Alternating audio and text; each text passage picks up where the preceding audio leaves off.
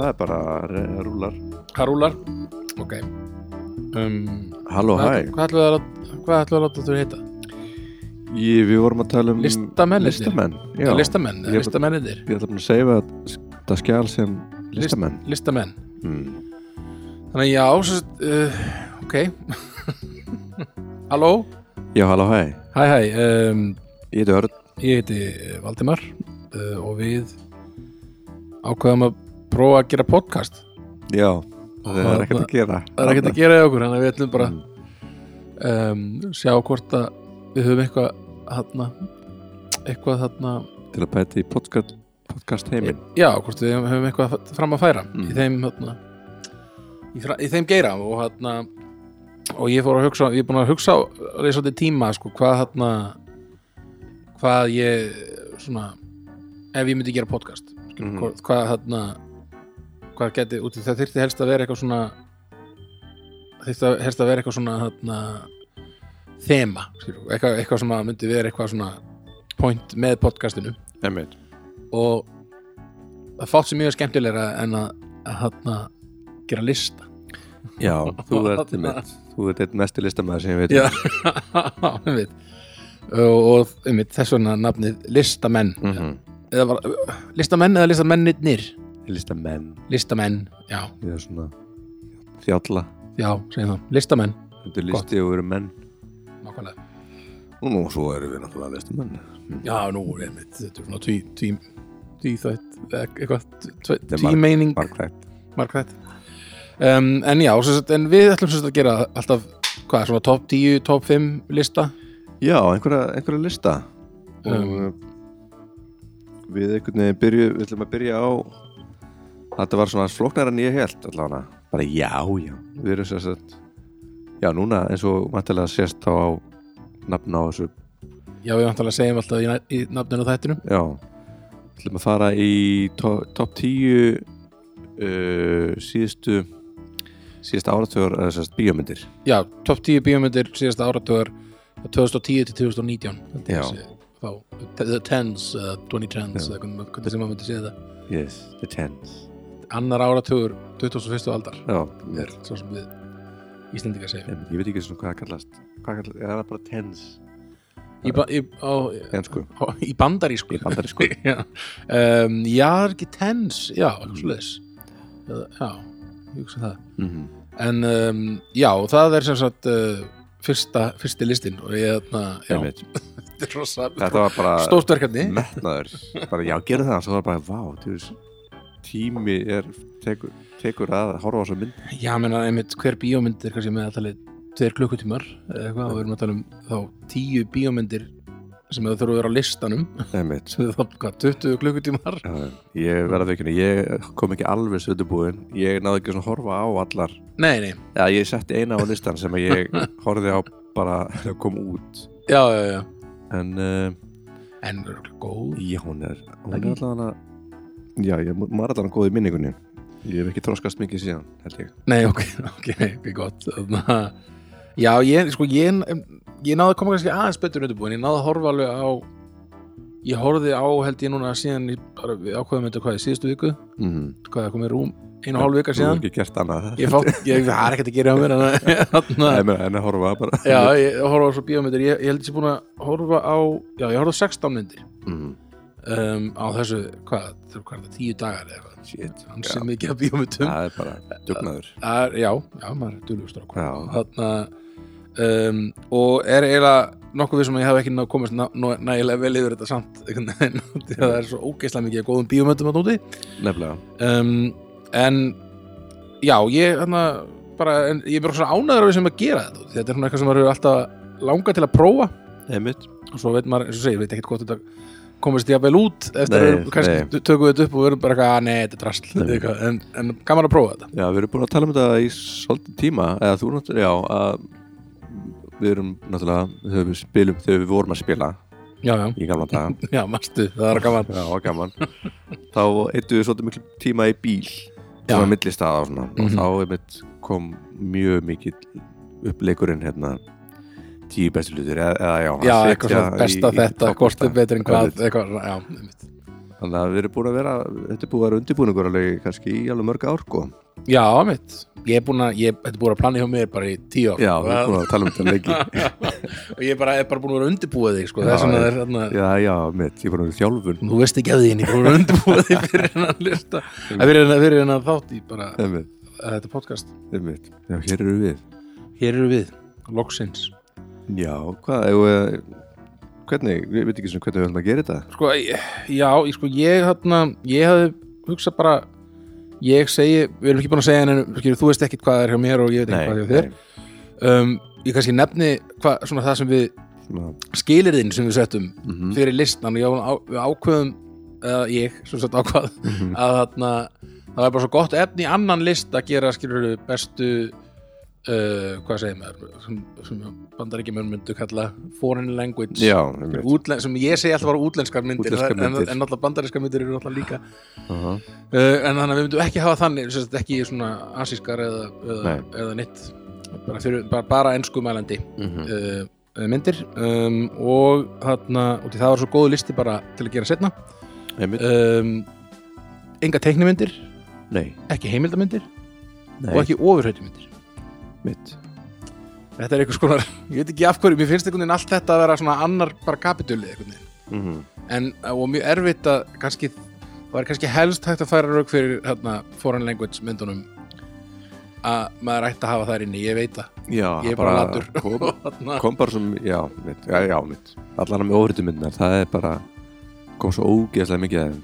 Já, það er bara, eins, bara eins og hver talaði hann, Martin Scorsese eða eitthvað, það var eins og pínur eins og bara svona allt annar uh, allt, an, allt eru upplýðun einhvern það er eins og bara að fara bara í eitthvað svona ske, skemmti þegar, eða svona í hérna í rússipanna, maður er svona ok, let's go, slökk á heilanum og þetta er geggjað einhvern og þess vegna einhvern veginn en já, ég held að ef, að, ef við hefum haft ofurhættu myndirnar inni þá hefði alveg hugsalega einhver eina, eða tvær komist inn Mhm. hjá mér og, og, þarna, Bara- og eins með, útlensku, með þarna, já, útlensku myndirnar innan gæstalaba Halló, uh, við erum hérna Örn og Valdimar úr framtíðinni. Já, hæ hæ.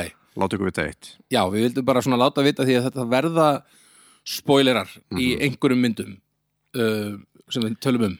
Þurfum eiginlega að, að Þurfum eiginlega að koma inn að sko, Já. að þess, þessa Ég alltaf föttu það svona eftir á kannski skemmtilega fyrir fólk sem að hefur ekki séð myndirnar að vita því að það verða einhverju spoilerar Mhm. í þessu spjall okkar. En bara best að, það sem er bara best að gera þá bara að skipa Næstu mynd. uh, yfir í næstu mynd. Þegar eru- já, þegar við byrjar að tala um næstu mynd.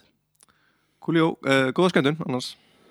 Næs En já, ég vil kannski bara að tjekka á listunum hjá hvorum? Já. og tala um þetta. Bara Algjörlega. Númer tíu, Númer tíu. Hvor á að byrja? uh, uh, Ég skal byrja. Þú byrjar okay. Ég, Ég er setti ég er mjög spennt Já, ég er stressaður. Uh, Ég setti Býðum við Nú skulum Ok. við setja ykkur stellingar. Um, Superman. Nei, tjók Nei. Ég setti hérna uh, 1917 Já, Stórmyndina. Einmitt. Um stríð. Einmitt, sko, ég ég hef ekki ennþá séð hana sko. Nei, Það er eiginlega ótrúlega, út í er svo margir búin að tala um hvað þetta er geggju mynd sko. já, ég, einmitt Sko, hún er er aðalega bara því að þetta er svona hún er svo flott. Já. Það er tekin einhvern veginn í einu skoti. Já, já, já, einmitt sem að er bara þess virði fyrst mér að setja hana hana Mhm, í tíu. Mhm. og ég er alltaf, það er ekki kannski, ég horfði ekki alla bí- bíómyndinar sem ég vildi horfa á. Um, þannig að hún var Þetta var svona nýlegasta töff myndin sem þú sást já, já. bara já, hún er góð hún er ekki, hún fer ekki herra sko, sökum að, hún var alveg góð sko. Já, já, já eina, ég hefði heyrti mynd, það var rosalega töff svona konsept og Mhm. skemmtileg pæling og þarna en eins og eina sem ég hefði heyrt en ég, er ekki búin að sjá hana mm, er að svona söguþráðurinn hef, hefði getað verið betri eða eitthvað eitthva aðeins betur útfært með, með var en, en ég veit ekki mynd, myndum stríð já, já, það er bara mjög, margir degja já, já, veit, já, veit það og þetta er sorgasaga já, já, en hún er, hún er, þetta er töff hún er töff tekin og, og alveg grátur og, og svona. Já, ég, eins og sé, ég þarf, ég bara þarf að sjá hana. Ég, ég mæli með henni. Já, ég, eins og sé, ég þurft bara mjög góða hluti og mjög margir sem hafa mm -hmm. sungið lofsöngu um þessa Einmitt, ég hefur svo ekkert mikið meira um að segja. Nei, ok, ok. Uh, frábært. Um, góð, góð byrjun Já, takk. Það var nú lítið. Um, ég þarna, ok, þá segi ég kannski mína mitt tíundarsæti mm. uh, og það er myndin uh, Drive. Einmitt. Frá árinu 2011 um, er þannig Ryan Gosling mm. í aðalhutryggi um, og svona um, já, le leikstjórn heiti Nicholas Winding Refn og hann, hann þarna uh, já, leikst í þessar mynd og þarna uh, og um, þetta er, sko, ég man bara svo vel eftir, ég fórum, ég man, ég fórum á hann í bíó með honum þarna að með minn, já, já, ég mér myndir að það hefði verið hann Högni Þorsteins mm Mhm. sem er í ljónsendinu Valdimar. Uh, og, og, og allir vinnu minn og hann Valdimar Einmitt. uh, sem fóru, fóru saman á þessa mynd og, og þarna ég bara svona ég með svo sterka minningaði þegar Night Call lægið Night Call kemur þarna í byrjun þegar hann er að keira þarna í byrjun. svo töff. Ób- ó- óbáslega mikið töff. Og ég bara mani, ég var bara svona þetta sprengdi einhvern veginn á mér hausinn bara, að heyra þetta lag sko. og ég held að þetta, það hafi bara, bara það, það hafi sett þetta sett þetta út á listan sko. það, er, það þarf ekki meir. Já, og svo kemur annar lag þarna sem heitir uh, Real Hero sem var líka mann eftir rosa stert eftir því þegar það lag kemur. Já, ég tengi þess að mynd svolítið mikið við þessi tvö lög sko. um, og uh, en já, Ryan Gosling er alveg geggjaður í þessari mynd. Svona ég þarf að sjá hana maður mað fór, fór alveg svona datt í svona smá man crush bara á, Mm. á hann. Það er ekki erfitt, það er ekki Það er erfitt ekki erfitt og ég man hann og hann, er svo, hann í svo töff jakka. Já, geggja ég ekki geggjaður jakki sem hann var í. Einmitt, Mér langaði svolítið í svona jakka. Já, og Öllum. Einmitt, einmitt. ég man þegar ég orð, orðaður hún aftur. Ég var svona bara mm, já, þessi jakki, jakki hvað veitu? Og ég man sko, ég, ég sá hann með hann svona, var, og ég svona, veitu, er, veitu, var ekki dreki á þessum jakka? Veitu, og svo segi ég þá veitu, hvað er þetta? Nei, byrju, það getur ekki verið. Og svo, þá hugsaði ég bara, er þetta humar? Já, þá fannst þess að þetta væri humar og bara, ég sá bara humar á jakkanum og ég fann að byrju, hvað akkur fannst þú þessi, þessi jakki svo töff einhver humar, humarjakki? Er- nei, svo, svo sent í myndinni sé ég sé ég allan jakkan Skil, þá var ekki einlega vantað þess svona aftan á myndina þegar ég, það, sem ég sá, það var eitthvað svona rammi sem að síndi ekki allan, allan myndina aftan á jakkanum. Mhm. og það var alltaf auðvitað sportur ekki Já Já, vondi bróður humarsins. Einmitt, vondi bróður, ég sá bara hum hverju fannst, okkur, þess, fannst maður þessi hum- Já, ok, ég sé það ég fóður svona humar. humarjakka eins og Ryan Gosling. Já, við erum bara komum að línu af Já, humarsjómanum já, þú er aldrei fengið er geggju sko. Er geggju. Þannig að þetta var Borður svona- ekki, nei, það er stórhættulega sko. Þannig að já, þetta sagt, uh, skemmtilegt, skemmtilegt þarna svona ferðalag sem hausum við fóru í. Hvað? Einmitt. Og þetta var alveg svona, það leðalega svona, leðalega svona kortur þannig að ég fattaði, já nei, þetta er sportir ekki þetta er ekki, þetta er ekki humar.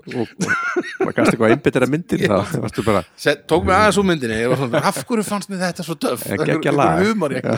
en já, geggja lag sko, geggju mynd, Ryan Gosling geggjaður. Um, eina sem ég man eftir að þarna, svona, mér fannst pínu um, svona leiðinlegt mm.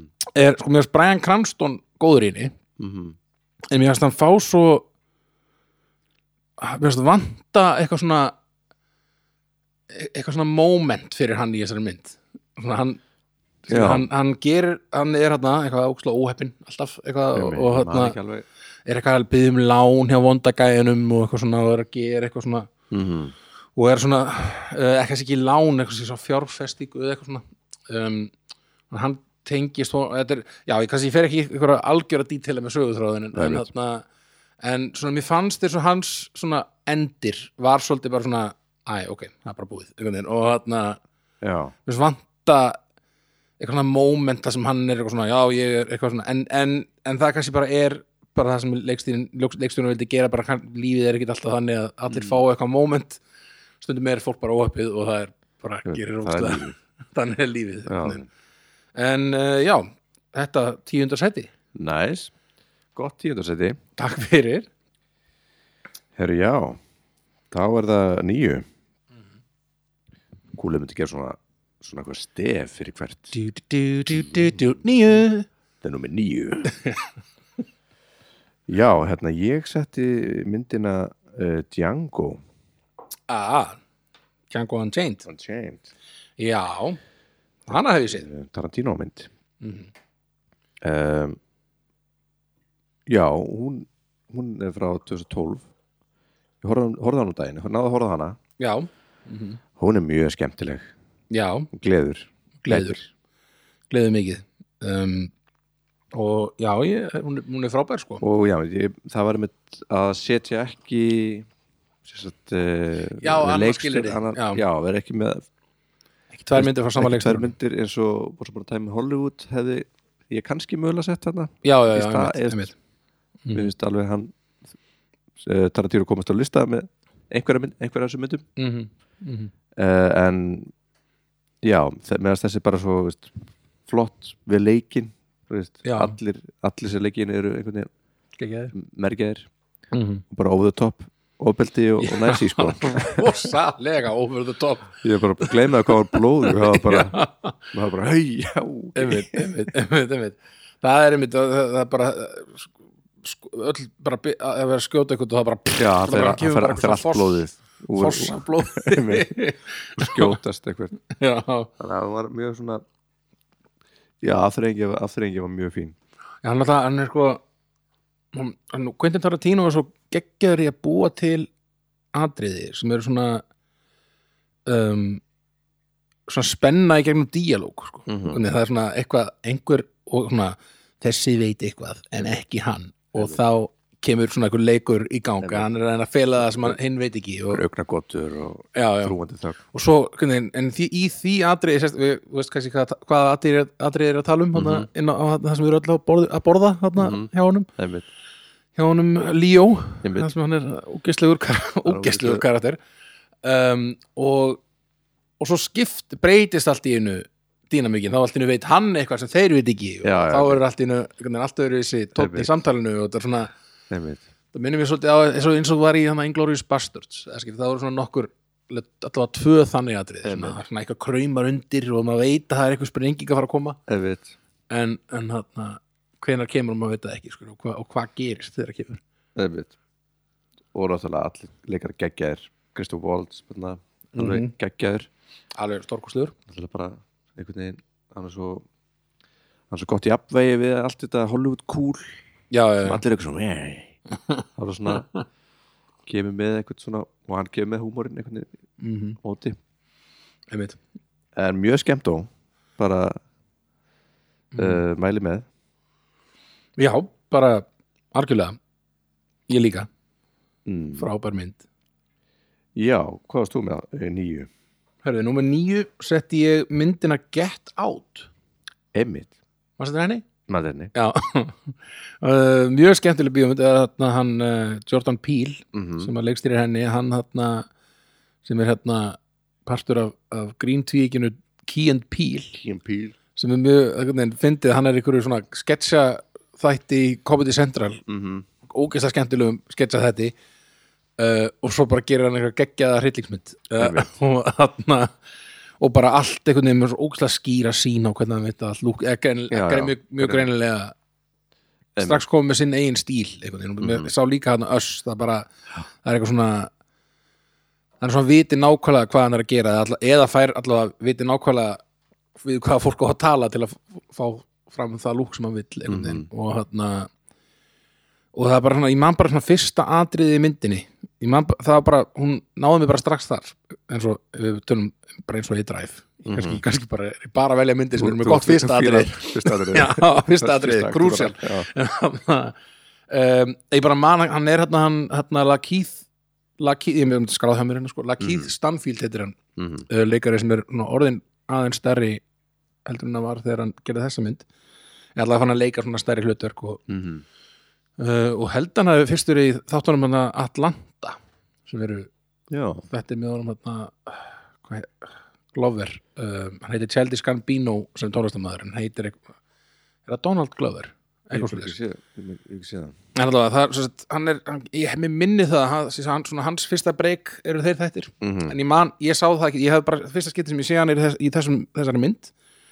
Um, og ég man bara þegar ég sá þetta aðrið, þá sá ég bara strax þessi gaur, Mhm. ég fíla þennan Einmitt. vonandi er hann aðalgæin Einmitt. svo var hann ekkit aðalgæin og þarna og, og bara, ein, bara man líka þetta var svona það kom svona löng sena sem að kameran eldir hann og svo snýr hún svona við og sér eitthvað annað og tekur sér eitthvað, eitthvað sveig og fer eitthvað á, svona, svona atriði gera myndir fyrir mig eitthvað, sem er greinilega búið að hugsa ógeðslega mikið út í hvað á að gerast næst Bara hvernig, og, hvernig byggjum við þetta upp? hvernig á hann að hreyfa sig og hvernig kameran að hreyfast í, og með honum einhvern veginn og, og hvernig og svona eitthvað sem svona fær maður til að um, fær svona eitthvað svona býr til einhvers konar spennu. Já. Og þarna og já, mér finnst bara fyrsta atriði frábært í þessar mynd en, hann, en Daniel Kalu, Kaluuya sem er annar miklu frægari leikar í dag heldur en hann var þarna um, hann er mjög góður í þessari mynd og hún þarna ég, ég með alls skráðin Alison Williams Ok sem leikur kærustuna Mhm. hún er alveg bara svona kærastan í byrjun bara, "Ná, hún er, getur hún góð kærasta Mhm. svo bara, nei, hún er síkopati eitthvað, hún er algjör algjör síkopati það var skemmtilegt svona twist um, og Katrín Keener sem leikur hérna, hérna mömmuna Mhm. hún Já. er alltaf hérna mjög góð Scary. Og hérna hún, sko, ég er bara ég er búin að lesa smá ég horfi stundum á svona eitthvað mynd, myndbönd um YouTube myndbönd um bíómyndir og svona. Og ég held að það hafi verið sko viljandi gert, hún mannst þetta bíómyndinni þannig að Being John Malkovich? Mhm. hún er í þeirri mynd. Einmitt. Og þarna minnir að þetta einhvern veginn endi þannig að í þeirri mynd eitthvað, er, er hún hún, end, hún verður að John Malkovich eða eitthvað eða, eða hún eitthvað, eða, eða hinn nei, hinn verður Cameron Diaz held ég Mm. verið, verður að John Malkovich í lókinu og hún byrjar með Catherine Keener karakternum eða eitthvað.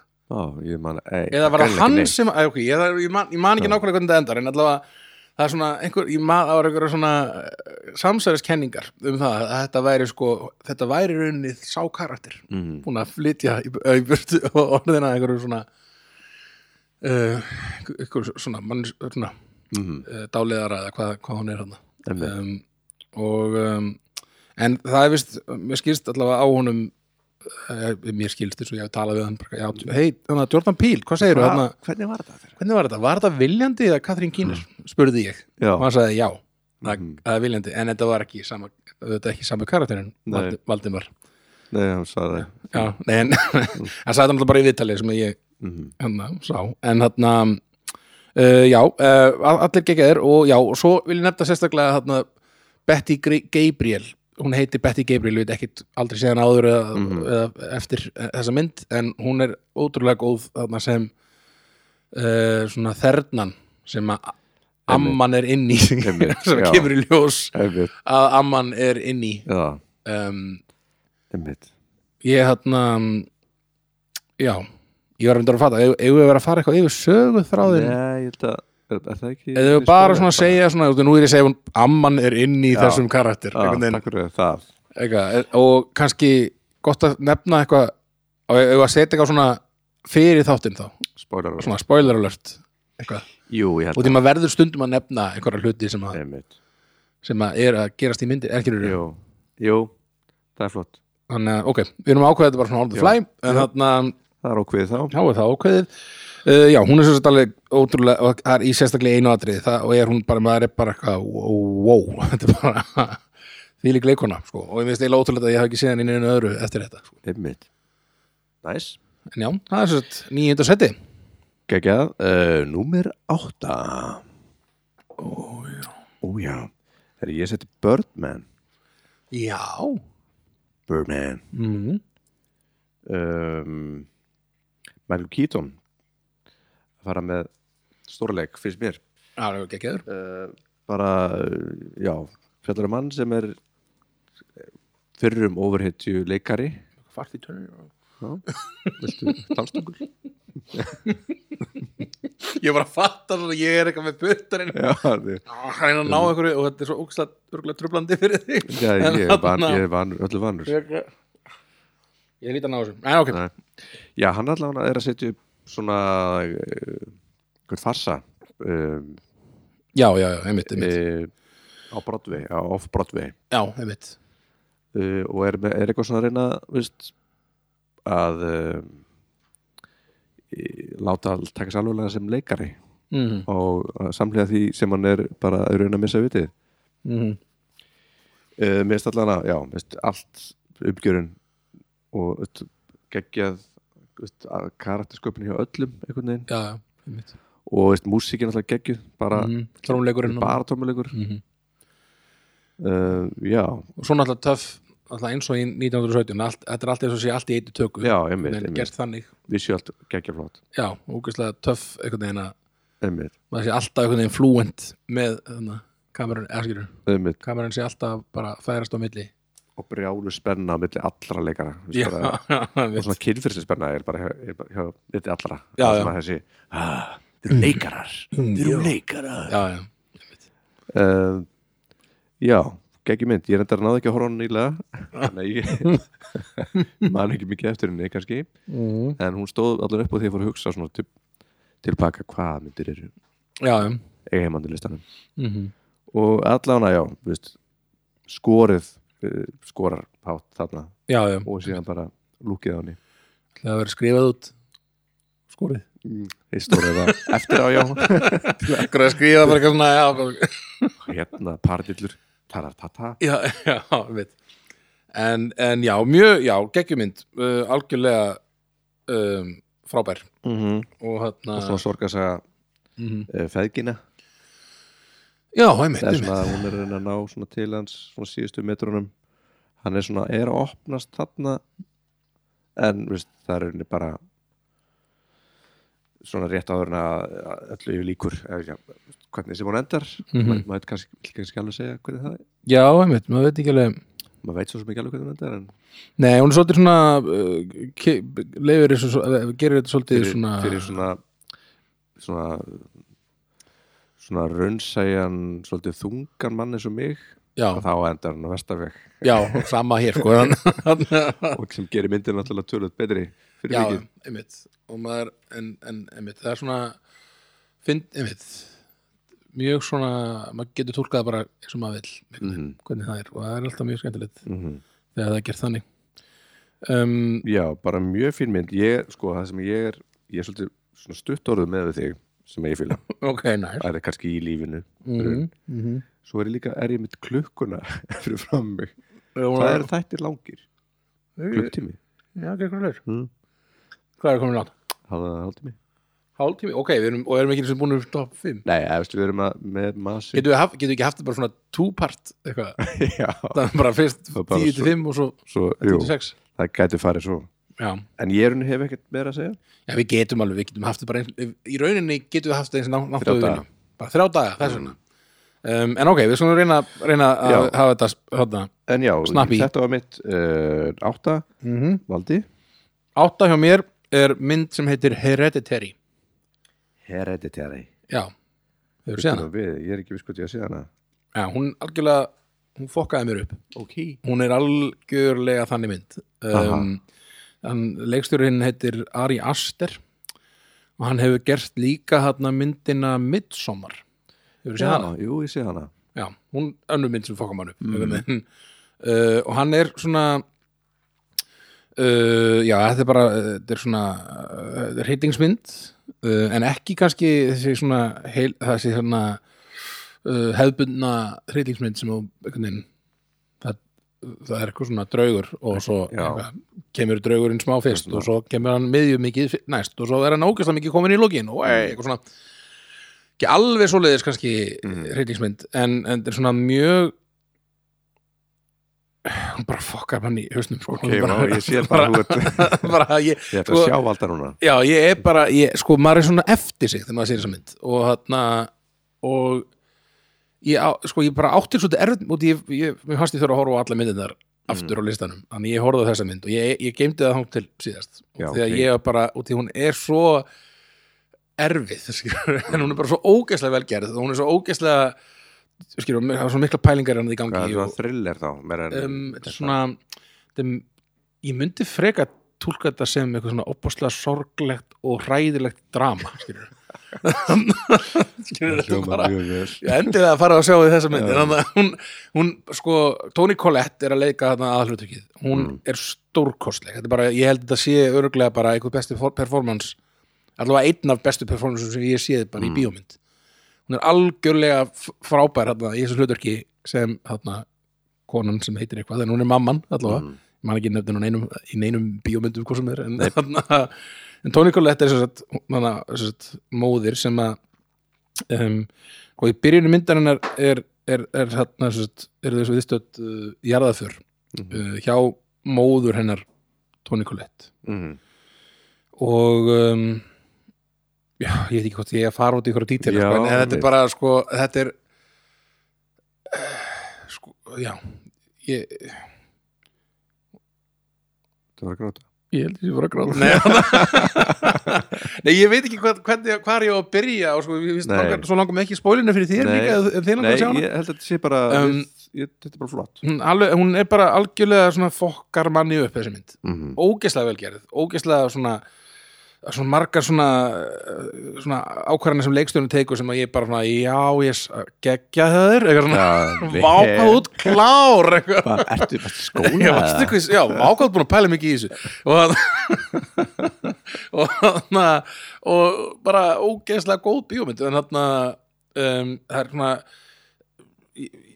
hvað, ég ekki hvað ég segja, það er eitthvað eitt, asp, það er eitt aspekt í henni Mhm. sem þú kannski getur giskað þegar þú ert búin að sjá hana Já, sem svona böggaði mig smá og kannski þess vegna sem hún er ekki ofar en hún er en, en, en fyrir Ok. utan það er hún alveg stórkostlega bara og, og kannski að horfa á hann í kvöld. hún, einmitt, ef þú ætla að láta, láta fokka þér upp þá hérna, horfir á þessa mynd. Ég satt að að byrja að djús kúr, kannski ekki aðabætandi drulla á mig bara í rúminu. En hún er, en þetta er algjör, þetta er bara, en já, ég geti sagt þetta er hryllingsmynd, Já. alveg 100% hryllings- hryllingsmynd, hræðilegir hlutir, koma fyrir í þessari mynd, Ok, um, en ekki svona þessi hefðbundna ég veit að til dæmis, sko, við Anna sagt, horfum á þessa mynd og vorum bara eitthvað, vá, þetta versta hryllingsmynd sem ég hef séð. Mhm. svo fór sýstirinn og sá hana, hún var eitthvað, ég veit ekki hvað er að tala um, þetta er ekki, þetta var allar hryllingsmynd, skilur, það er það bara það örgulega svolítið bara svona einstaklismyndi, hvað er, hvað er finnst um þessa mynd. Ok, vá, en já, ég veist, hún er frábær. Já, endilega horfðu á hana. Mm. Sopna kjark. Já, gerðu það. Næs, mm er það sjö? Það er nummer sjö. Númer sjö. Já, Nákvæmlega, nákvæmlega. Uh, Já, ég set hér á minn lista Mm. Blade Runner 2049 24 mm. Ég horfði svona á hana yfir nokkra daga Já, ok var að klára hana bara í gerkvöldi Svolítið löng mm. Já, skemmt Bara Já. svona Framhald af uh, Blade Runner uh, Númer eitt. Númer eitt. Sem var gerð 2000, uh, nei, eh, 82 geggjað ár. Já, ég veit mm Já, bara sjúklega flott mynd. Já, ég veit ljós, ljósamæðurinn fekk einhvern veginn fekk að leysa leikulösum budget. fekk budget. Já, og sandmaðurinn sem sá sandinn já, já, já, já En veit það, hún er alltaf mjög flott. Já, aðeinslega mynd. Og bara, bara, veist, Gos, Goslarinn, goslarinn. Flottur. Veist, þetta var, var góður ártur fyrir goslarinn. Já, helviti góð Hvað er Er ekki svolítið síðan samt hann kom Er þetta kannski bara síðasta svona virkilega góða myndir frá Goslarannum? býðinu við, Ég er hann að velta fyrir mig eða, byrju, hvað, 2017 hann gerði reyndar það var ein mynd sem heitir eitthvað, eitthvað Nice Guys sem ég fílaði, fílaði alveg. Mm -hmm. uh, ekki topp 10 mynd en, en, en góð sko. Um, ég reyna að mjög eitthvað fleiri myndir en já, manni hvort að hún, hún eða hann bleitur henni sé mm síðasta svona, allavega, sí- síðasta góða myndir sem ég, sé, sem ég hef séð með honum. -hmm. ég er ekki með MDB síðan en hann, já, geggju, geggju mynd. Geggjum mynd Mhm. og bara veist, um svona gerfimann mm -hmm. sem að er að, að hönda aðra gerfimenn þessu verri gerfimenn já, að lesa það af. Mm -hmm. uh, og kemst að svona að lífið er ekki alveg eins kassalega og, og er búið að lagt, leggja fyrir hann. Mm -hmm. uh, og veist, allur heimur er og gritti og það er rigning konstant. Þetta er svona færiðar fílingur og veist, af því að- af Framtíðin er að- bara færi framtíð, krakkar, framtíðin er færiðar af því að það er búið að sprengja einhvern híminn ég man ekki alveg af hverju það var. Nei, ég svona, horfði á hann með raugunum og mjög flott samt. Ég er mjög góður í þessu. Er geggju, ég orða hann með öðru og hún er frábær. En hann, ok. Þetta gengur vel. Mm, En já, en sko mjög og mér varst hún líka mjög góð. Mhm. um, og hann mér er mjög gott hérna að hafa með svona gerfi kvendi eða svona, svona hologram já, konu. Gerfi kvendi gerfi Já, já, uh, allavega mikið að gerfi í þessu. Mhm, já, algjörlega. Og það var svo- alltaf hann byrtist þá kom stefið Pétur Úlfinum veit Já, já, já. einmitt Já, ég man þetta, ég er búin að gleyma því. Ekki alveg hvað pælingi var það var bara svona þetta er ævintýra kona. Ég veit ekki. Það er mjög skæðilegt Já, það var svona eina músikin í myndinni sem var sko lýrisk, það var kannski bara það. Já, og svo allt bara Svo bara Satan Hvernig sinn þar bara mjög dramatist og áhrifaríkt mm. uh, já, bara aðalega bara sjúklega flott visjóli já ó- ógeðslega flott. Ég, mm. ég, mér, mér fannst hún ekki síðri en fyrsta sko. Nei, Fyrsta, sko, síðri er náttúrulega, fyrsta er náttúrulega svo mikið svona groundbreaking, svona trendsetter bíómynd ykkur sko. Um, en þarna, en mér fannst hún ekki sem bíómynd ekki í síðri sko þessi er mjög langt síðan svo hana. Mm -hmm. það bara hefði alltaf set- horfa hana einhvern á maður að horfa hana kannski einhvern veginn fyrst? Ætlalega, eða veist, skiptir það einhverju miklu máli? uh, sko smá kannski gott að vita. Já, mitt, sumar hluti, hvaða tengingar einmitt. Við minnir að ég er nú fyrir að reyða þetta upp en alltaf, já, það, er eitthvað tengingar hann að milli auðvitað, auðvitað. Já, já. en þarna svona gott að vita en ég held að það sé ekki eitthvað algjörlega krúsir sko. Nei, allavega, En ég var, ég var ekki lost allavega. Nei, um mitt þannig. Nei, nei. já, bara Já. flott og bara störlað störlað, dæmi. Um, sjöan. Sjön hjá mér um, er mynd sem að ég þarna um, ég fíla. Ó, næs ég, ég fíla þessa mynd og flest, Ah. fleiri, flestar myndir. Þetta er mynd sem heitir Mad Max Fury Road. Alright uh, sko, ég man þegar ég svo trailerina fyrir þessa mynd þá var ég bara gaf, þetta er eitthvað algjör sóri þetta er bara, þetta er, sko, þetta er eitthvað ræðileg hvað er, já, af hverju er Tom Hardy í þessari mynd, einhvern veginn, hvað, einhvern veginn þú hafður ekkert séð hinnar ég hafði sko, nei en ég bara svona sá bara trailerinn og hvernig lúkið og ég hugsaði að þetta verður bara eitthvað algjör síra þetta verður bara eitthvað ókvæslega skrítið veginn og þetta er bara eitthvað cash grab eitthvað, eitthvað Mad Max eitthvað nafnið þeirra að nota það bara og svo bara kemur ræðilega með bind, ég held ég sko. en svo að sjálfsögðu kom það í ljós að ég hafði rándur í mér uh, og það er svona, við, við, mitt fyrsta instinkt var, var ránt uh, geggjuð bíómynd. Um, ótrúlega þarna, hún er svo action-packed bara frá upphafi til enda svakaleg ótrúlega atriði þarna í, þegar þeir eru þarna, þeir eru þarna á, á þarna hvernig Já. fara yfir þannig í þá, lokin þá var búið að gerast ansi margt sko. já, það er svona í Já. það, en það var svona en, en það er svo mikið af einhverjum svona action svona set pieces sem er búið að setja í gang það hérna voru svona sex leikarar og síðan bara stönd. Já, endalist að stönd fólki og allir eitthvað eh, ég skrítin á well, what a glorious day. Það spree komið já, ok, let's go witness me. Ég er að deyja, all right eitthvað svona. Og þarna, en ógeðslega ógeðslega vel gert. Og þarna og bara svona spennandi man, hún held mér alveg allan tíman og maður var bara eitthvað, hvað er að fara að gerast til að fokkin Nei, næst og þarna og, og hann, Tom Hardy, ég gekk eða reyni sko, hún, mm. Charlize Theron er styrkluð, Shit, já. hún náttúrulega bara hún er stjarnan í þessari mynd sko, ég Mhm. myndi eiginlega eins og margir hafa debat, tekið de, debatt um það sko, hún sé nú eiginlega frekar aðal hlutverkið, meira aðal hlutverkið heldur en maður eins og leikur já, ég, það ég held að sé já, ég, ég tók því þannig. Og nánast. það er alltaf búið að er ákveða held ég, það er að fara að koma held í mynd bara um þennan karakter, Mm, Furiosa. Og sko já svo við fyrir þetta ógeðslega fyndið að hugsa til þess að George Miller, þessi leikstjóri Mm. hann hefur líka gert bíómyndunar Babe já, og Happy Feet Já, já, 1 einmitt. og 2 einmitt. Bara hann gerði Mad Max og Mad Max Fury Road og eitthvað svona. Og svo Babe og Hat bara þetta er svo fárlegt range sem hann hefur Einmitt. Þannig er eitthvað skitsjó já, hann hefur bara eitthvað verið já, bara eitthvað svín, bara næs eitthvað Svo satan. sandur og satan. Ah, en já, þarna, en já, ekki, þetta er bara frábæmynd, mæli mig einn ein besta hasamynd sem ég séð. Lúkar náttúrulega sjúklega vel. Já. Og bara hún og bleiturinn eru svona Svipa silvötu svona. Mm -hmm. Eða litapalettu kannski. Já, það var svona, já, einmitt. Yes, Næs, nummer 6 nummer 6 Ég set Set þetta á minnlasta um, Inception. Já, Ein gum, ein, hún fór 2010 sko. Mm Rétt nær inn. Uh, Ég var svona Þegar ég Þegar ég ákvaða að horfa hana þá var ég svona Já, hún getur ekki elst, elst vel einhvern veginn. Nei, nei, nei. En, veist Hún er drullu góð já, og flott, en það bara mjög flott einhvern veginn. Mhm. og veist alveg svona svolítið svona pælingar sem að maður ég man ég sá hana fyrst þá var ég bara hvað er að gerast? Er ég skil ekkert. Svo horfði ég hana núna bara ég náði að horfa á hana. Þá bara, ég, hann er frekar basic. Heimurinn í heim, er draumurinn í draumi já, já, ok. Já flott, ég, ég skil það.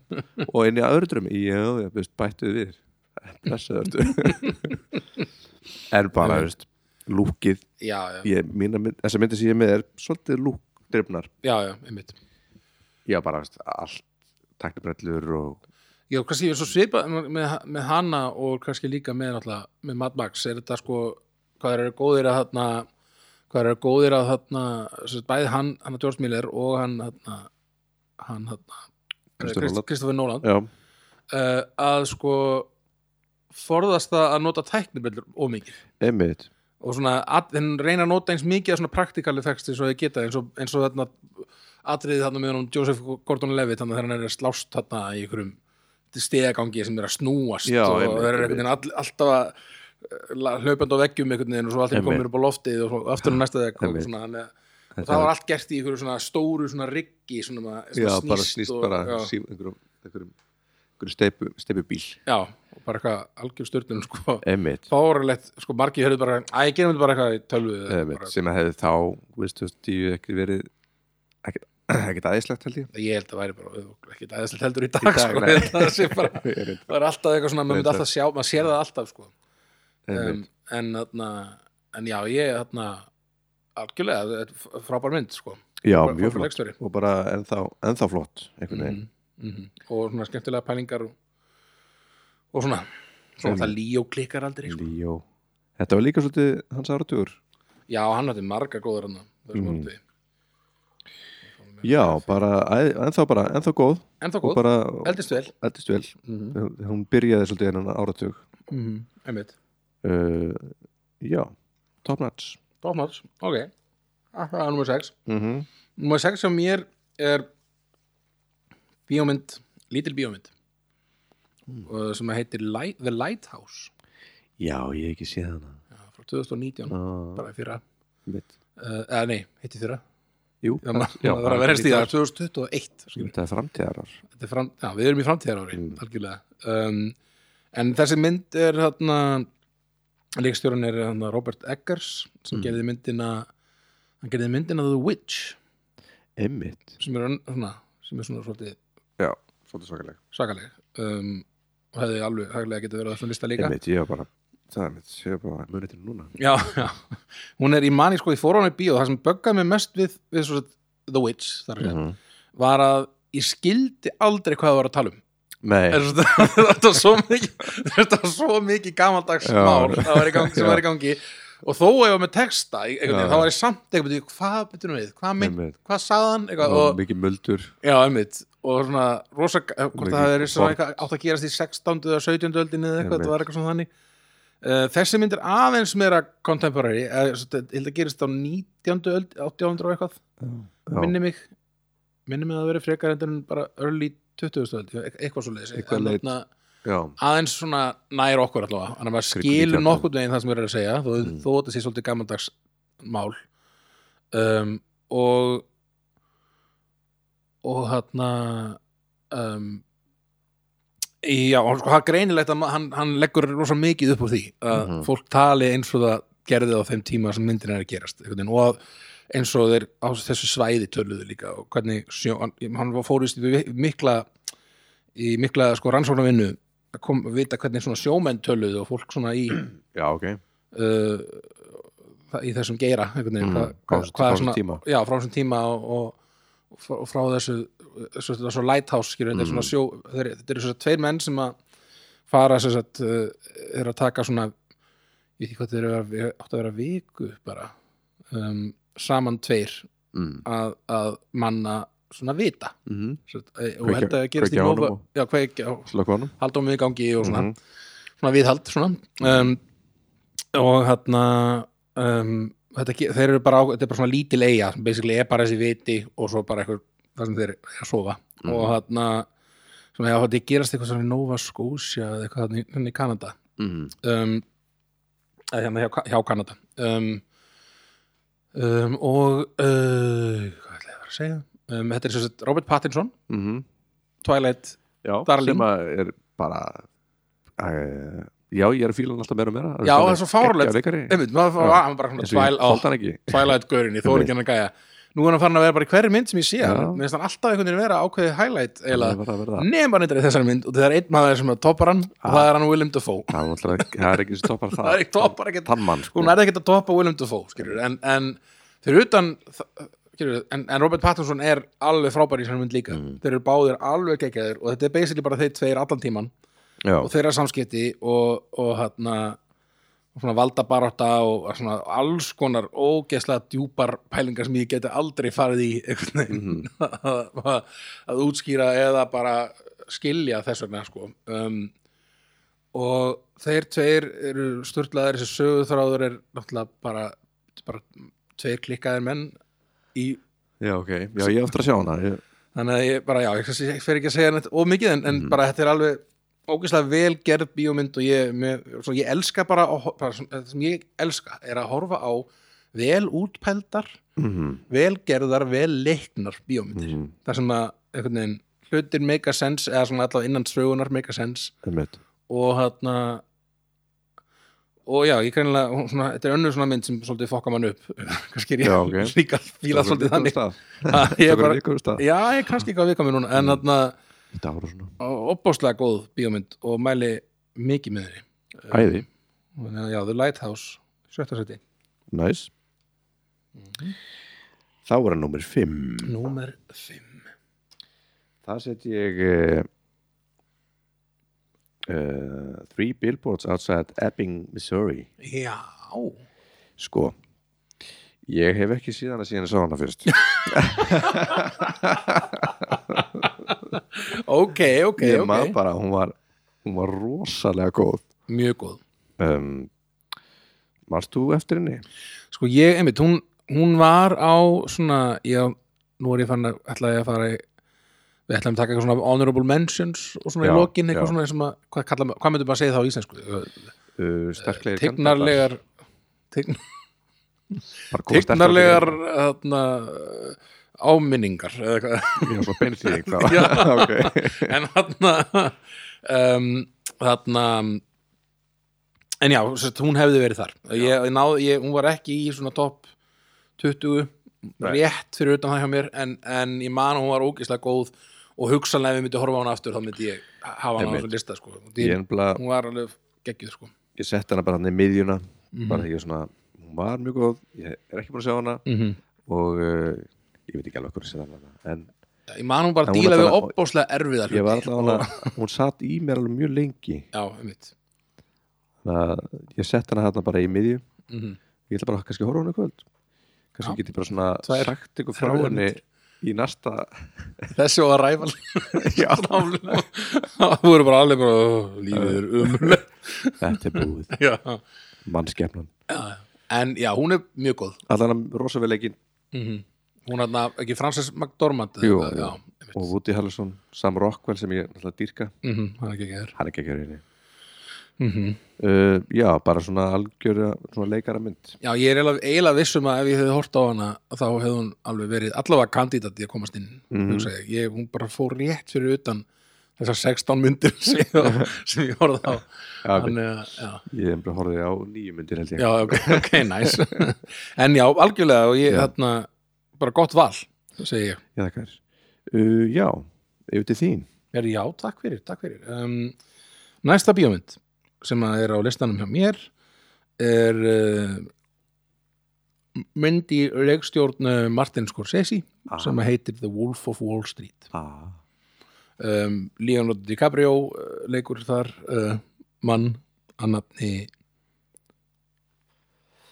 heitir Ég blankaði út þarna, Jordan Belfort, já, Já. Jordan Belfort. Um, þetta þessi mynd er svo rosaleg sko. þetta, er- þetta er svo mikið mikil svona um, maður er svo mikið að fylgjast með einhverjum siðblendingum mm, að gera siðblinda hluti Einmitt. Og maður er bara svona ég, ég ætla að halda fram að horfa á þennan siðblendingi að Já, gera gerir hann Hva, næst? hvaða helða hlut gera hann næst og, og ég elska svona er enginn sem gerir það vel og hann að Martin Scorsese að vera með eitthvað svona ég heiti þetta og hér er sagan Já, mín. við fórum bara að gera þetta sem ég, svona, alltaf svona, Ég er kannski ekki stoltur af því. En ég gerði það. Ég gerði hella dæmi með þetta var svona, það er alla tíman er þessi karakter að ta, skilur, Einmitt. Mér minnir þetta, þetta var svona í Goodfellas líka og með hann allar. ógeðslega marga myndir sem hann hefur gert eru svona. Um, og bara ógeðslega entertaining, mér finnst oft Mhm. vond þegar það er eitthvað svona sögumæður Mhm. í bíómyndu þá er of mikið verið að mata hlutin honum í mann en það hjá honum sko segir síðan einhvern veginn bara virkar það einhvern veginn. Mhm. og og bara, já, allir Jonah Hill er hann alveg ógeðslega góður. góður. Þessar tennur. Já, einmitt, einmitt.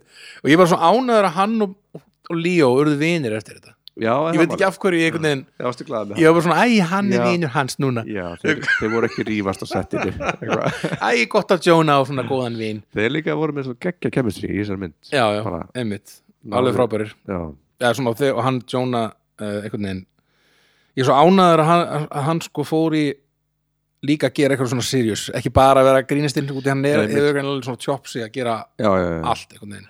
En þetta var náttúrulega Þetta var alveg svona Beggja megin sko. Þetta var náttúrulega Þetta er ákveð Þetta er traggi já, já, þetta er basically, já, mitt, hann virkar kannski best í einhverjum kom, komísku hlutverki Já, já, en, en kannski en eða það góður leikar hann getur verið í svona dramatískum myndum líka um, en já, svo er skilur, Margot Robbie er líka alveg geggjuð um, og svona, þetta var svona fyrsta svona, þetta var svona breakout hlutverki hennar.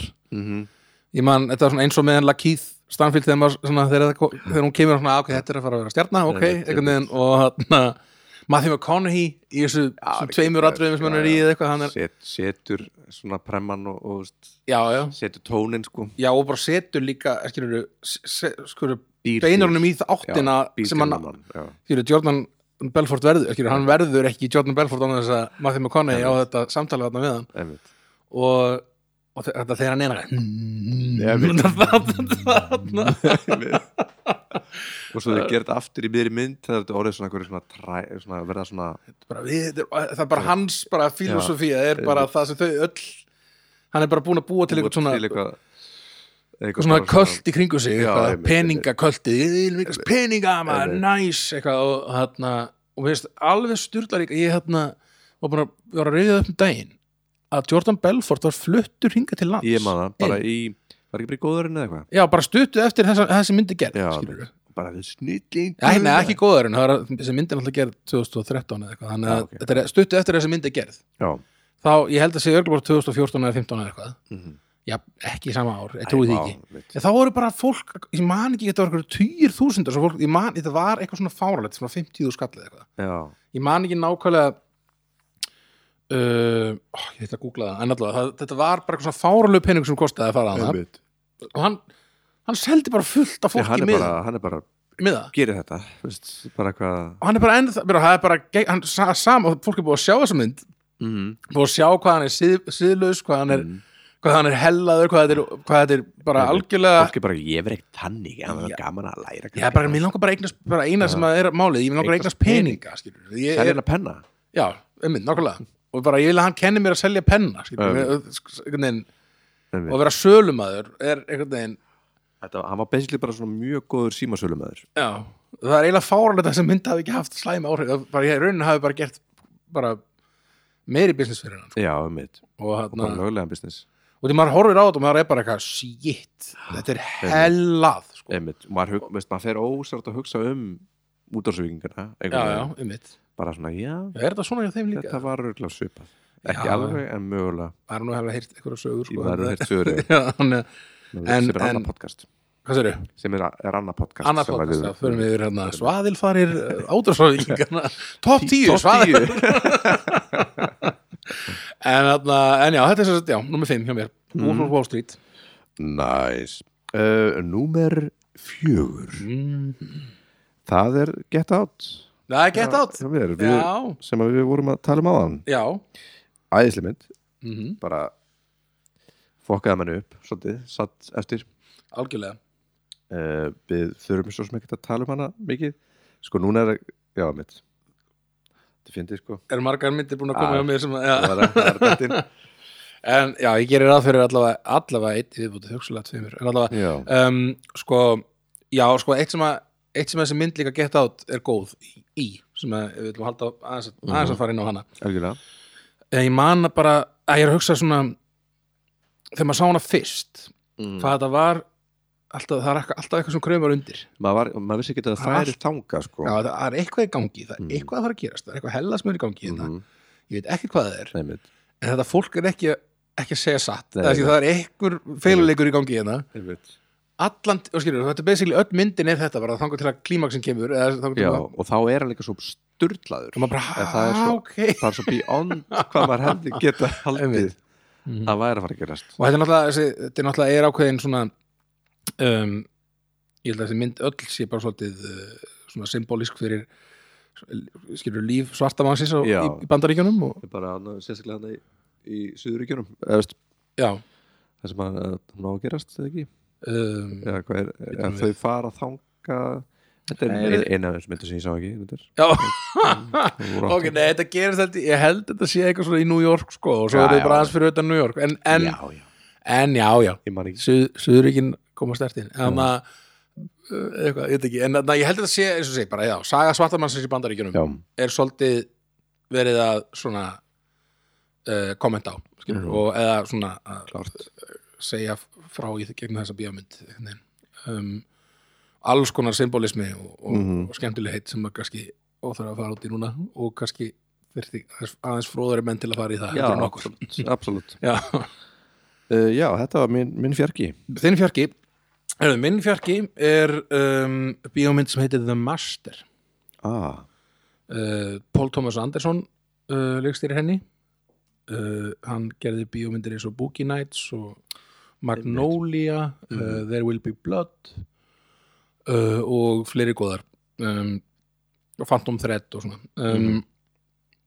og um, sko ég, ég, ég hlustaði ekkert núna viðtal við hann Paul Thomas Anderson og það var hann spurður hvað er svona hvað, þú myndir velja svona, hvað er besti performance sem, þú, sem að þú hefur leikstýrt? Mm og þetta er, þetta er maður sem hefur leikstýrt skilur honum honum Daniel Day-Lewis í There Will Be Blood sem bara, mann þegar ég sá þá mynd já, ég bara, já, da, ok, já, hann er bestur veginn, hann, Já. er, já, hann er bara stórkostlegur að leikari leika? Já. Já, og svo sá hann líka núna nýlega í bjómyndinni Phantom Thread sem er Mm. annar, annar bara, já ok, hann er, jú, síðasta hann er bara bestur og þetta er síðasta myndin og ömulegt að hann sé hættur að leika þessi leikari því hann er bara bestur Mhm. en hann vildi minna, hann Paul Thomas Anderson að bestu performance sem hann hefur séð væri frá Joaquin Phoenix og Dustin Hoffman, nei ekki Dustin Hoffman. Philip Seymour Hoffman já, já, í þessari einmitt.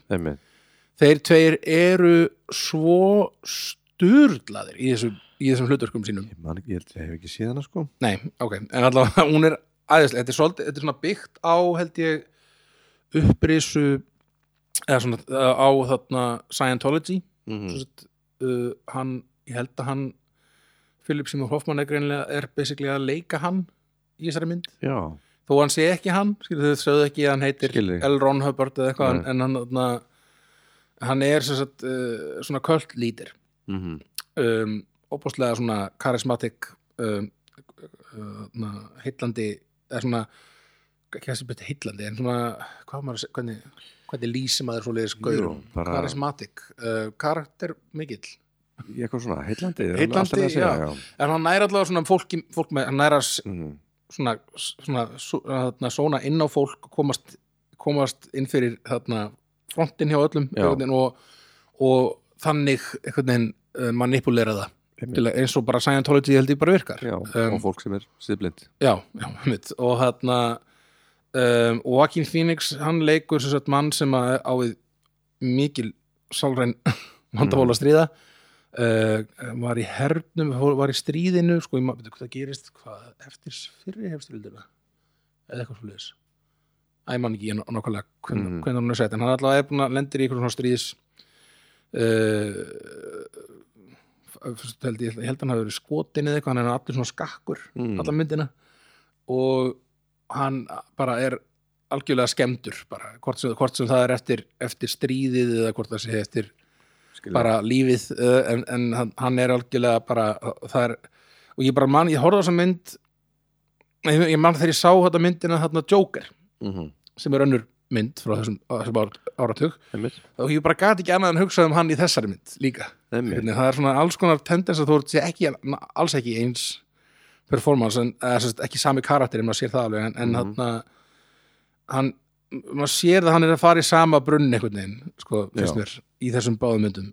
Og hann og verður, hérna, eins og sé, Joaquin Phoenix ég held að það sé svona eini maðurinn sem ég myndi setja á sama svona allavega núlefandi leikari sem ég myndi setja svona á sama stað og Daniel Day-Lewis Mhm. sem leikari, ekki, Já, hann er bara svo úgesla Ótrúlega góður. ótrúlega góðu leikari. Fyrir alveg inn í, inn í þetta. Já, og um, já, þessi mynd er bara frábær og Amy Adams er í henni líka, hún er frábær og, og þarna sem kona Elron Hubbard, eða sem er ekki Elron Hubbard reyndar, en þarna, hún þarna uh, já, Johnny Greenwood gerir, gerir uh, tónlistina sem er Já, alveg frábær. Já. og skemmt, uh, ótrúlega, setur ótrúlega sterkan sveipa á myndina.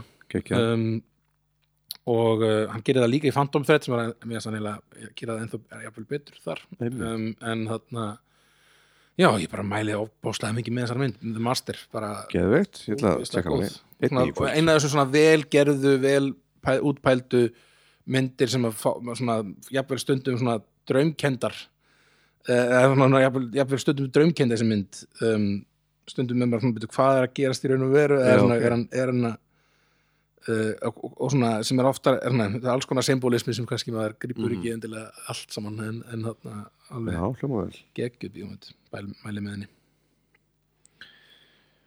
Snild Eða, Þá voru nummið þrjú. Mm -hmm. Herðu Það er Mad Max. Ég gurni Já. ég vissi það. Við vorum að tala um hana "Æ, hún er hjá honum, hann er með hana. Já, já. Já, Frábær. hún er svo skemmtileg. Ótrúlega svona entertaining Já. Og bara Svo frekar einfatt plott Mhm. Keirum þangað, já, svo keirum við tilbaka. Einmitt. allar leiðinni já, einmitt. End, Endum þetta. Mhm.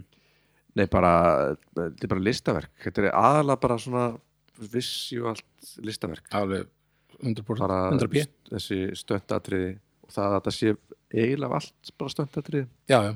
Veist, bara, það hefur hefur verið að stökka mellir bíla. Mhm, mhm, og bara, veist, og síðan bara all litapallettan bara mm. stórkvæsleg sko. mhm. og veist bara maður, maður, það var veist, ekki mikið sagt sko, en það var mikið mynd veginn, Mhm, bara, bara fegurð. Já, ég top notch. Algjörlega sammálaður 100p uh, og hún var alveg hún var og var hjá mér sko minni mig. Svona, hún, er, hún er allar þessar myndi getur ræðast hvernig sem er ég, ég setti þetta bara eh, nánast randum Já, ég held ekki að þetta er sko kannski fyrir utan svona topp þrýr hugsanlega mm -hmm. þá get, hefði ég getað ræða, öllum sem lista Mm. alveg, öðru- alveg fyrir það bara eftir dagsformi held ég sko en, en, en geggjumynd næs við erum, já, við erum þessu búin að ná utan um hana. Þannig, Já, já, ok, skulum þá taka það er þá top 3 topp þrýr, eða þrýr hjá mér, varst þú að seg- segja þrýr á núna? þetta var þriðja hjá mér. Já, hann er þriðið hjá mér núna. Ok um, uh, Það er bíómyndin um, Arrival. Emitt uh, Danny Villeneuve Vilji leikstjóri, uh, sami og leikstýriði bleitur hennar mm -hmm. um, tónlist Jóhann Jóhannsson. Einmitt. Alveg sem setur mjög sterkan svip á þessa mynd Hvað, svanasöngur? Býtum við. Var hann ekki búin að gera eitthvað eftir það? Gerði hann ekki, jú, gerði hann ekki hann einhverja Disney mynd eða eitthvað sem hann var svona Já. Kristoffer Robin eða eitthvað? Eða, ger, eða var hann ekki, eða hvað? Var hann að gera það en náðu ekki að klára eitthvað, Ég- man ekki. Þú voru ekki að fara með þetta Allavega hana frábær músík. Já, ég þarf að, ó, nú er ég búin að segja eitthvað sem að kannski er alveg Já. fáralegt en, en þarna, ég, mér finnst þess að hafa verið að vinna í einhverju Disney mynd allavega Mm. en, en þarna, alveg geggjum músík og þarna, sem ég reyndar sko, finn, út, í- ég er búin að, eftir þessa mynd er ég búin að vera með eitt þema á heilanum sem er ekki eftir Jóhann mm sem er hérna Max Richter þarna, stefið sem að sem ég náttúrulega man ekkert hvað heitir en, en þarna er þarna, ég held að það sé byrjun og enda. -hmm. jafnvel í miður líka, þetta er svona, svona er Það þrástefið í þessar mynd og hugsalega er það ástæðan fyrir því að hann hafi ekki fengið óskursvöluna tilmyndinguna Ég það var að rosa mikið talað um það að hann nutti fá tilmyndingu eða mm. að var svona vera að velta því fyrir sér og hann, ég held hann hafi verið tilnæmdur á, á Golden Globe. Mm.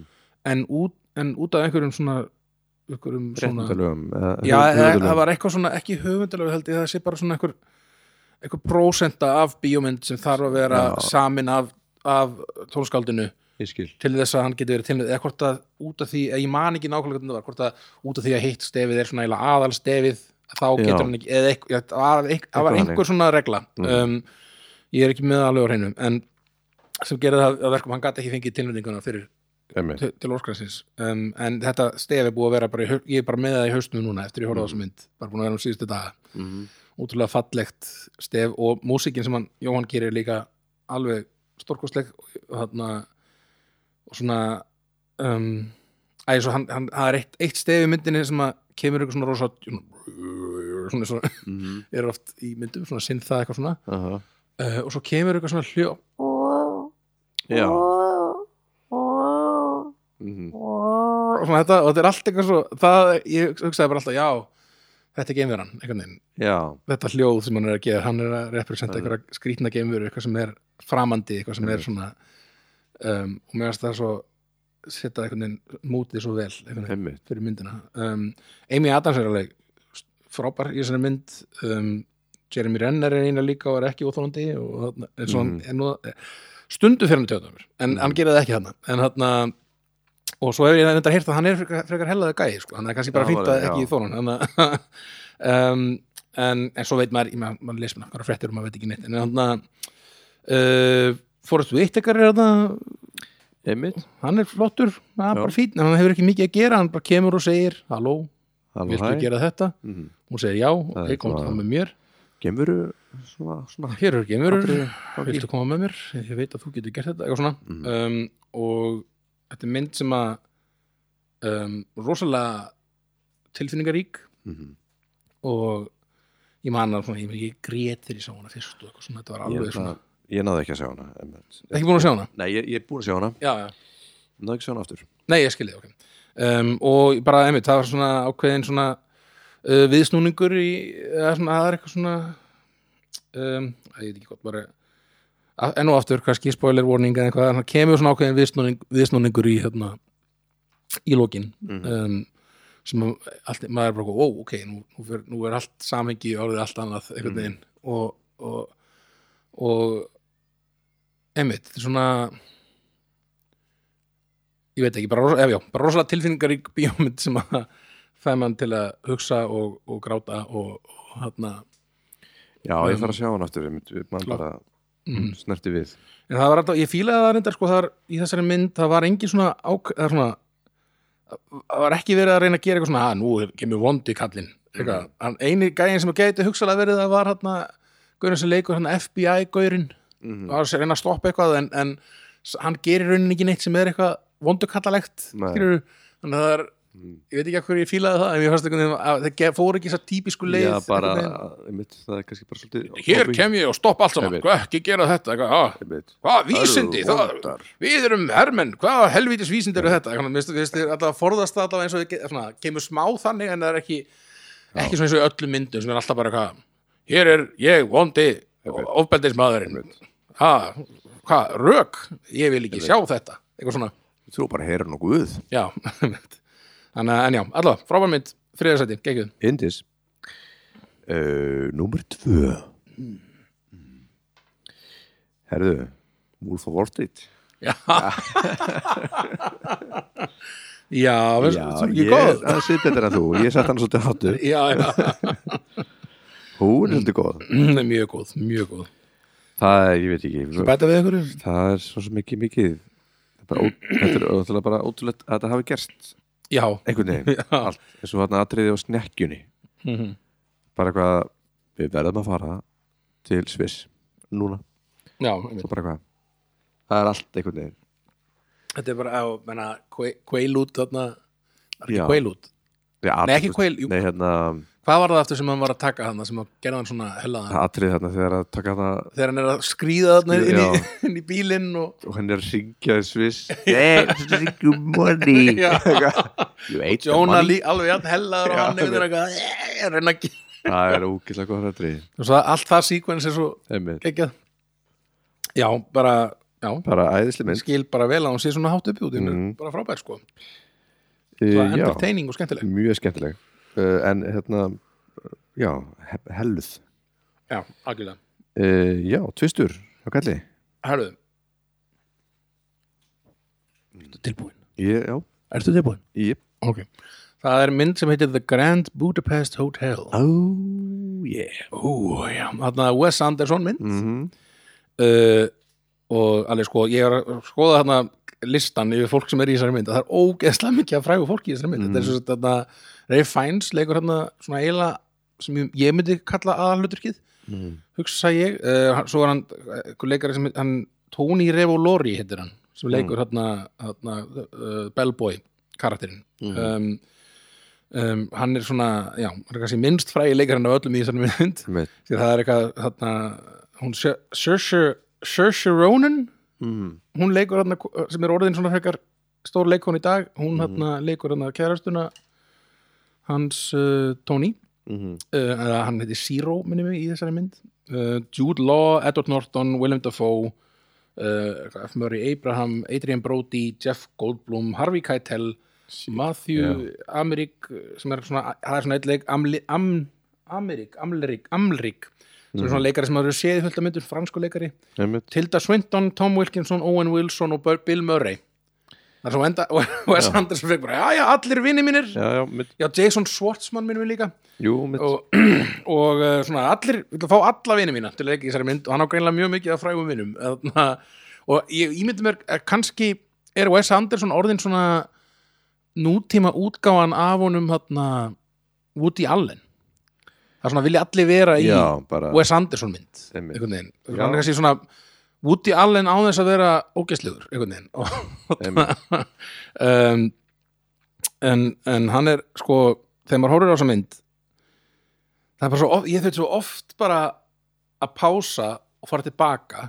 Mm. og því ég var alltaf bara eitthvað, vá hvað þetta Já, er já. fallegu rammi. Eitthvað, vá hvað hann setur þetta ógeðslega skemmtilega upp. Veginn, þetta er allt svo symmetríst og, og allir, allir kamerurhefingar eru svo flottar einhvern veginn, eða svona kemur hvernig hann nota rými, veginn hann er komin eitthvað og svo veginn stakkar hann ramman og það er eitthvað annað í gangi þarna við hliðin á allt svona, allir svona dítilar þeir verða svo skemmtilegir og ég alltaf, ég var alltaf bara já, þetta er svo flott. Einmitt, já, hvað er samt að gerast í Já, myndinni? já, já, ok, já, þetta er það sem er að gerast í myndinni. Og svona, já, allan tíman mér varst bara svo ógeðslega flott flott bíómynd. Mm. og, og um, svona, mér varst alltaf eins og ég var að horfa á málverk einhvern veginn, Mhm. bara eitthvað nýtt málverk og svo komið nýtt málverk og annar Einmitt. málverk og hann sjúkla flott. Ógeðslega flott mynd. Og hann Reif, Reif hann heitir Ralf, en maður, maður segir vist Reif, en hann hann, Reif Reif, ég held að maður, ég held að það sé sagt Reif, mér finnst ég að hafa heyrt fólk segja alltaf bara Reif.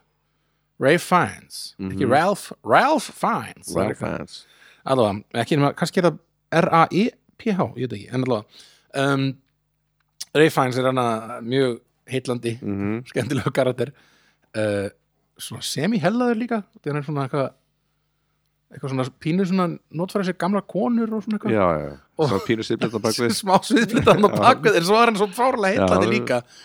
Einmitt, þannig að entertainer. Já, algjör svona já, frábær karakter. Og svo þarna um, já, bara þessi, bara þessi Wes Anderson stíl er svo skemmtilegur og, og þarna Einmitt og já, ég veit ekki maður kannski, það er ekki endilega svona söguð þráður sem heillaði mig mest, það var bara, bara fegurinn bara fe, hvað þetta er falleg og flott mynd sko.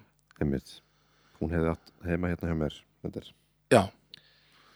Þannig, að, já, hún er ekki topp, hún er ekki topp Já, ég, nei, já, ég var svona, ég var allan sé með Já. eitt, allan sé máli en, en já, ég veit, sko, bara út af, út af sko, bara út af svona fagufræðilegum á, Mm. ástæðum setja ég þessa myndi nummer tvö og mér, mér finnst bara svo gaman að horfa á hana. Um, þannig að, já Grand Budapest Hotel, Næs, tvö. Geggjað. Herðu Númer eitt. Nú, Númer eitt. Já, já. Sko, ég lofa að vera mjög ígrundaðan lista næst. Ok, hvað bara svona fórhundis, hvað eru komin í langt, hvað eru búin að lengi? Þetta er uh, uh, skil ekki Við erum komin í, í klukkutíma á kortir eitthvað svona? Nú, ok, náðum nú alveg að Já. náðum nú alveg að skikka um tíma, Mm. sko. ok. Herðu, Interstellar. Ú, Sitt ég í fyrsta sæti. Ú! Þóttum tvær Nolan myndir. Já Ég fattaði bara Brítur regluna bara. Fattaði bara rétt áður við byrjum Ég ákvað bara að láta það Já, ok, að ég hef kannski getað nefna það bara. Já, ok, allavega, ok, Já, flott. Það er bara, ég ég svo segi, þetta er nú bara eitthvað svona ímyndur regla sem við settum Já. bara rétt við byrjuðum. Ég ætlaði að setja Arrival En ég bara náði ekki að sjá hann aftur. Já, og varst með hann, varst náttúrulega líka með Blade Runner þannig að- Já, þannig að, að ég get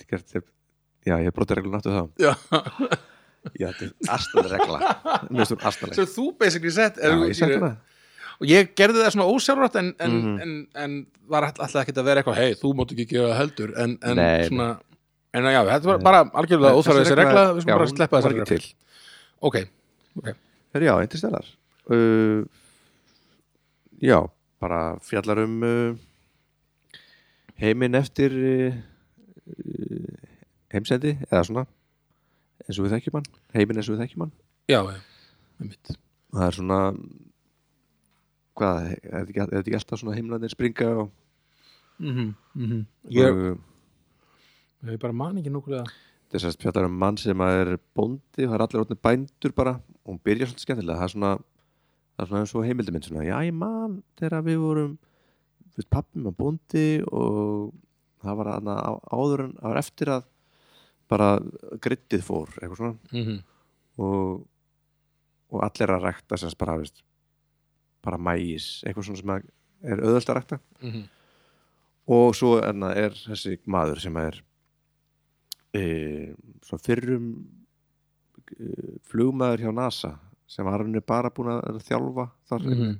Mhm. hann er sem bara bóndi eins og allir veginn, já en er satt með svona veist, er ekki, ekki að elska það sko Mhm. Svo finnaðu, þetta er alltaf mjög flókið ég er ekki að fara að segja frá þessu er- ég er svo- ég er svolítið að Ég byrja er bara mjög að býða mikið að að segja mér allt plottið bara á myndinni Hvað gerist þú? Já, ok, hvað gerir hann þá? Svo, Hvað sagði hann þá þegar það gerist? já, nefnilega, sagði Nei, svo bara finnur sem sagt, uh, fara hlutur að gerast og hann sérst kemst að því að það er verið að fara að undirbúa eitthvað mission til að finna nýtt líf Já, og svo, er, svo má ég segja þetta ekki meir um Mhm. þessi mynd eða hvað, er þetta bara spoiler Ég er búin að spoila alveg nokkur, nokkur hlutum en, en já og svo, já, þannig að þetta er svona e, það sem er fallit við hana er að það er ekkert svona her herin er að fara að bjarga mm eða, eða bandaríkja menn þetta er þetta að gerist í bandaríkjunum -hmm. en svona, það er svona verið að uh, fara að finna líf á einhvern veginn Mm -hmm. uh, og það er ekki ein, úst, það er ekki gen, kemur ljós, kemur daginn Mm -hmm. Þetta er ekki genvörur sko sem eru að þeir fá signal sko og opnast ykkur göng Mm -hmm. um, þannig að þetta er ekki þetta er svona þetta er við í. Já, já, svo ég spoilir bara allir myndinni já, ég hef bara verið að mjög ég, ég, ég man ekki neitt eftir hvað plottið, einhvern veginn Nei, allavega meðast, hún er rosa falleg sko Já, og, og visuált mjög flott sko Mhm. Og Matthew McConaughey náttúrulega, okkar besti maður Mhm. er geggjaður í henni Mhm. einhvern veginn já, falleg mynd um bara svona og gefa manni pínu pínur il í svona, mm, einmitt mm. þrátt fyrir að hún sé svona fyrir gælu en allan ógislega vel skotin og, og með þess handrætti mjög gott og bara svona uppframsetning geggið mm uh, hvort hún á eigi heima í efsta í, í raun en það bara þú veist að heima þarna uppi sko. Það er náttúrulega bara þinn, eskilur, þú ákveðu þetta, kallið minn, bara og, ég er þetta okkar ekki neitt þetta bara listið þess að fann á netinu sko. Tjók hann heitir eitthvað Roger, Ebert já. en, en hérna, hann er þetta, nei, sá, hann er þetta lungudáin en já, allavega. Um, þetta var mitt uh, minn ás. Já, herðu já, fyrsta seti mitt þá. Mm um, það er bíómynd sem heitir Hör já. Ég hef ekki séð hann heldur. Ekki síðan heldur? Nei. um, þetta er sem sagt mynd uh, í leikstjórn uh, Spike Jones. Mm um, mjög hana, áhugaverður, áhugaverður leikstjóri. -hmm. um, og að hlutverkin uh, að hlutverkið þetta er nú svolítið svona eitt hlutverk og, og, og rödd basically, sem er svona að hlutverkin tvö um, sem er þá sem sagt um, Joaquin Phoenix títnendur Mm og uh, Scarlett Johansson er uh, sagt er þarna svona, hvað kallar maður þetta bara eitthvað tölva eða uh, svona gerfigrind gerfi grind, já, já. Um, hann sem sagt um, þetta er ma maður sem er svona að jafna sig hann Joaquin Phoenix leikur mann sem er að, er að jafna sig eftir, eftir svona break-up Mhm. eða skilnað eða, eða er að gangi í gegnum skilnað er ekki ennþá búin að klára skilnaðin um, og svona, þau eru hægt saman en það var bara eftir að ganga frá papír, Mm. papírunum og eitthvað svona um, og hann uh, var mjög einmanna uh, og um, kannski svona veit ekki, fyrir klauðalegur í mannlegum samskiptum og svona hannig og, Mm. og hann er ekki komast aftur á markaðin já, og svona um, já, bara já, hann er svona uh, þráið að tengjast einhverjum en kannski Mm. nærði ekki almennilega og, og hann uh, og eignast svona eitthvað, sér eitthvað svona auglist svona eitthvað gerfi grindin fyrir þig eitthvað svona Mm. nýtt system sem þú getur verið með sem að gerir það sem þú hjálpar þér að skipulegja þig eða Einmitt. gerir eitthvað fyrir þig, eitthvað svona þannig og eitthvað sem mér finnst bara næst, næstu því svona eins og við sem bara nálgast það bara núna Já, þetta verði svona er komið leið og, leið og deytum já, ég ætla bara að vera hérna með gerfugrind Mhm. og vera með henni þess að það Mhm. basically verður síðan þau, þau tengjast rosa gó- miklum böndum hann Mhm. og þessi gerfugrind sem hún Scarlett Johansson Einmitt. leikur og þetta er basically bara eins og sé manneskja að Mhm. tala við hann, hún er alltaf að læra meira og meira eftir sem líður á myndina þá er hún að um, um hann þá svona, já, svona já, um, þau verður alltaf, alltaf nánar og nánari og þau eru svona uh, og sambandi verður svona flóknar og flóknar, hann kannski flækir það með einhverjum hlutum og hún, lík, hún síðan líka og, Já, ok. og hann um, og sko já, það er erfitt að fara í einhverja dítela nákvæmlega en ég bara get sagt að ég, ég var grafndi í lókmyndarinnar Já. ein af þeim myndum. Um, og hérna rosalega svona fæmann til að hugsa þessi mynd. Mm uh, og ég elska þetta svona er svo gaman þegar myndir taka þetta svona, kemur með eitthvað svona sci-fi element í einhverju basically svona ástarsögu já, sko. svona, svona ástasorg ástarsorg ást, og, að finna já. ást og, og missa ást og sýrur þetta allt veginn einmitt inn í þessari mynd Mhm. uh, og þarna um, hún er bara eina mínum aðra mynd, ég, svona, Já. var, ég var ekki viss hvort hún myndi vera svona ofalega þegar ég þarna var að byrja sko, Nei, sem bara horfði á hana þá bara snert hún bara af, efst. bara fara aftur bara svona strengirnir bara já, hérna, snertir þetta allt saman einhvern veginn og Það er mitt að horfa hana fyrir hérna. Það var, á mörgum, eða var svona ekki svona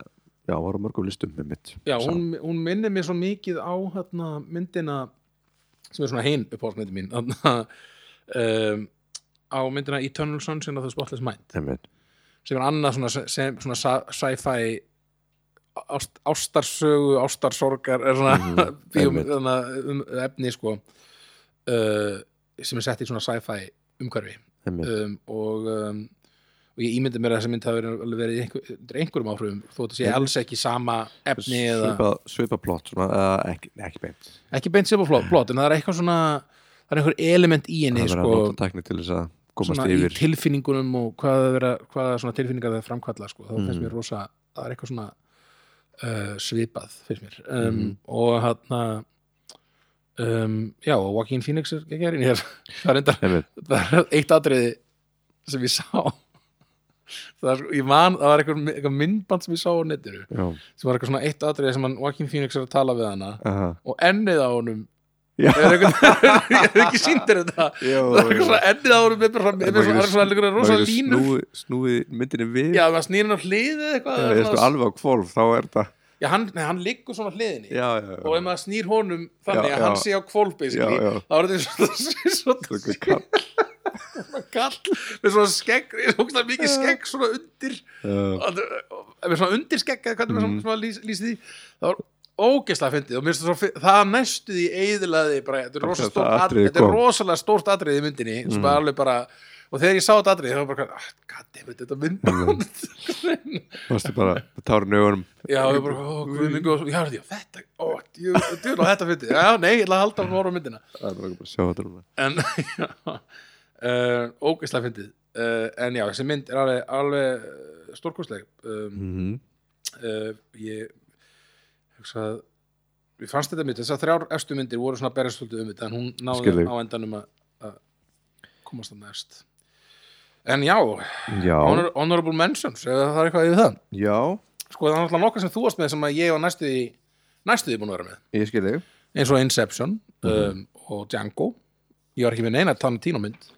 Nei, mitt. Ég elska Tarantino sko. Þannig að um, ég bara af einhverjum ástæðum, ég horfði bæði Django og Once Upon a Time mm en af einhverjum ástæðum náðu það bara ekki að krakka það á top 10 einhvern veginn. Mér finnst það- Nei, mitt það frábærar sko en, en bara, Ég náðu bara ekki að horfa á marga myndir nei, nei, einmitt. Nei, já, ég elska hann líka, dýrkan Ég fannst þess að hún þyrfti að vera allana með aðra kora hana já, ég, hún, ég var næstu búin að gera það en, en já, Mhm. ég varst einhvern veginn ég þurfa að hafa þessar 10 Já, ég haf með Moonlight já, hún er- geggjuð. honorable mention hún mér líka um, Já já, ég Social Network. Mm. um, með sko David Finn ég, ég, er að, ég er að tala svolítið fram hjá mæknum minn okay. um, Social Network um, og Gone Girl hann og David Fincher mér finnst hann um, Melancholia var, með, var ég með. Mér lang, já, ég ætla að sjá hana. Hún er já, ein- hún geggjuð. hún Ég eina af þeim sem ég ætla að sjá sko. Whiplash. Já, hún var líka hana núna sérst, í þessu binsi. Binsi.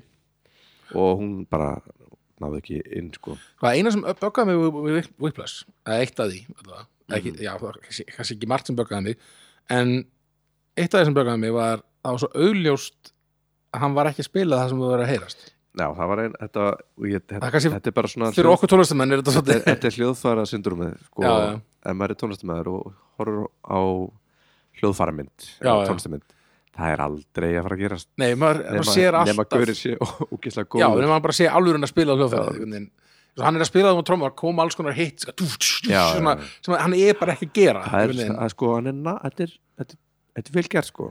Já, hann gerir þetta vel, hann næra að tromma eins og hann sé er- alveg þetta er bara illa gert hjá sko ég, já, veist, einhvern veginn ekki að lá að því að stundum var það bara andlitið og það var bara